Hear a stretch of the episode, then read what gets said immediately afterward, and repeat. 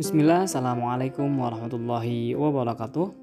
Alhamdulillah, puji syukur kehadirat Allah subhanahu wa ta'ala.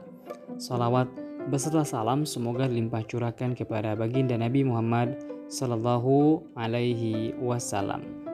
Baik sahabatku sekalian yang senantiasa dirahmati oleh Allah Yuk kita kembali ngopi Ngobrol penuh inspirasi dan motivasi. Adapun tema ngopi pada kesempatan kali ini adalah ada fitrah dalam keluarga.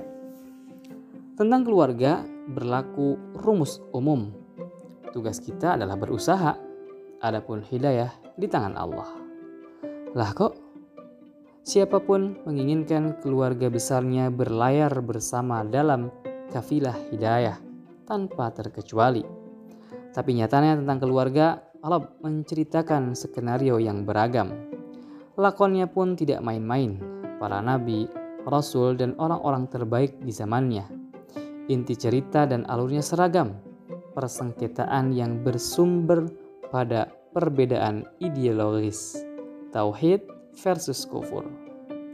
Ada yang terpaksa bermusuhan dengan ayahnya seperti Nabi Ibrahim, ada yang harus bertentangan dengan anaknya seperti Nabi Nuh, ada yang berbeda prinsip dengan istrinya seperti Nabi Lut, ada yang harus menyembunyikan keimanannya dari sang suami durhaka seperti Asyiyah istri Fir'aun. Bahkan Nabi Nuh harus berseberangan dengan anak dan istrinya. Hal itu bisa dilihat di akhir surat At-Tahrim. Di zaman Nabi Muhammad SAW, kisah-kisah seperti ini semakin banyak terjadi di kalangan sahabat. Mushab bin Umair, Sa'id bin Abi Waqqas, dan Khudaipah Bahkan dakwah Nabi sendiri harus menghadapi tantangan keluarga besar dan paman-pamannya. Sebagai acuan, mari perhatikan ayat berikut ini. Wahai orang-orang beriman, sesungguhnya di antara istri-istrimu dan anak-anakmu ada yang menjadi musuh bagimu. Maka berhati-hatilah kamu terhadap mereka. Dan jika kamu memaafkan dan tidak memarahi serta mengampuni mereka, maka sungguhnya Allah Maha Pengampun lagi Maha Penyayang. Sesungguhnya hartamu dan anak-anakmu hanyalah cobaan bagimu dan di sisi Allah lah pahala yang besar. At-Taghabun ayat 14 dan sampai 15. Sahabatku sekalian, saya tak sedang hendak mengurangi curahan rasa cinta kepada keluarga. Bagi yang sudah berjalan baik, syukurilah dan lanjutkan.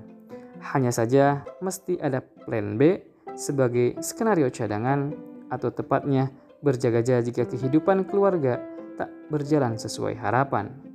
Jangan lepas kendali, jangan mengutuk anak turun yang mungkin tak sesuai dengan cita-cita.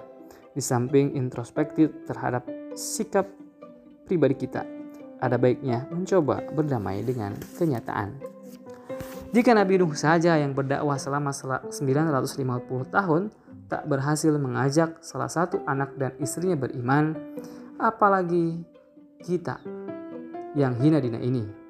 Maka barangkali ada yang sampai pada titik di mana kita harus proporsional bersikap.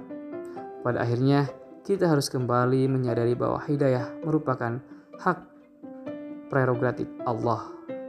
Simak saja ayat yang tadi di atas.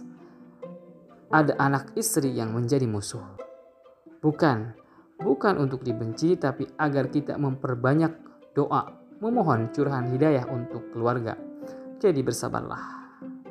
Poin berikutnya bahwa hubungan tertinggi di mata Allah itu sejatinya adalah hubungan akidah, bukan hubungan nasab.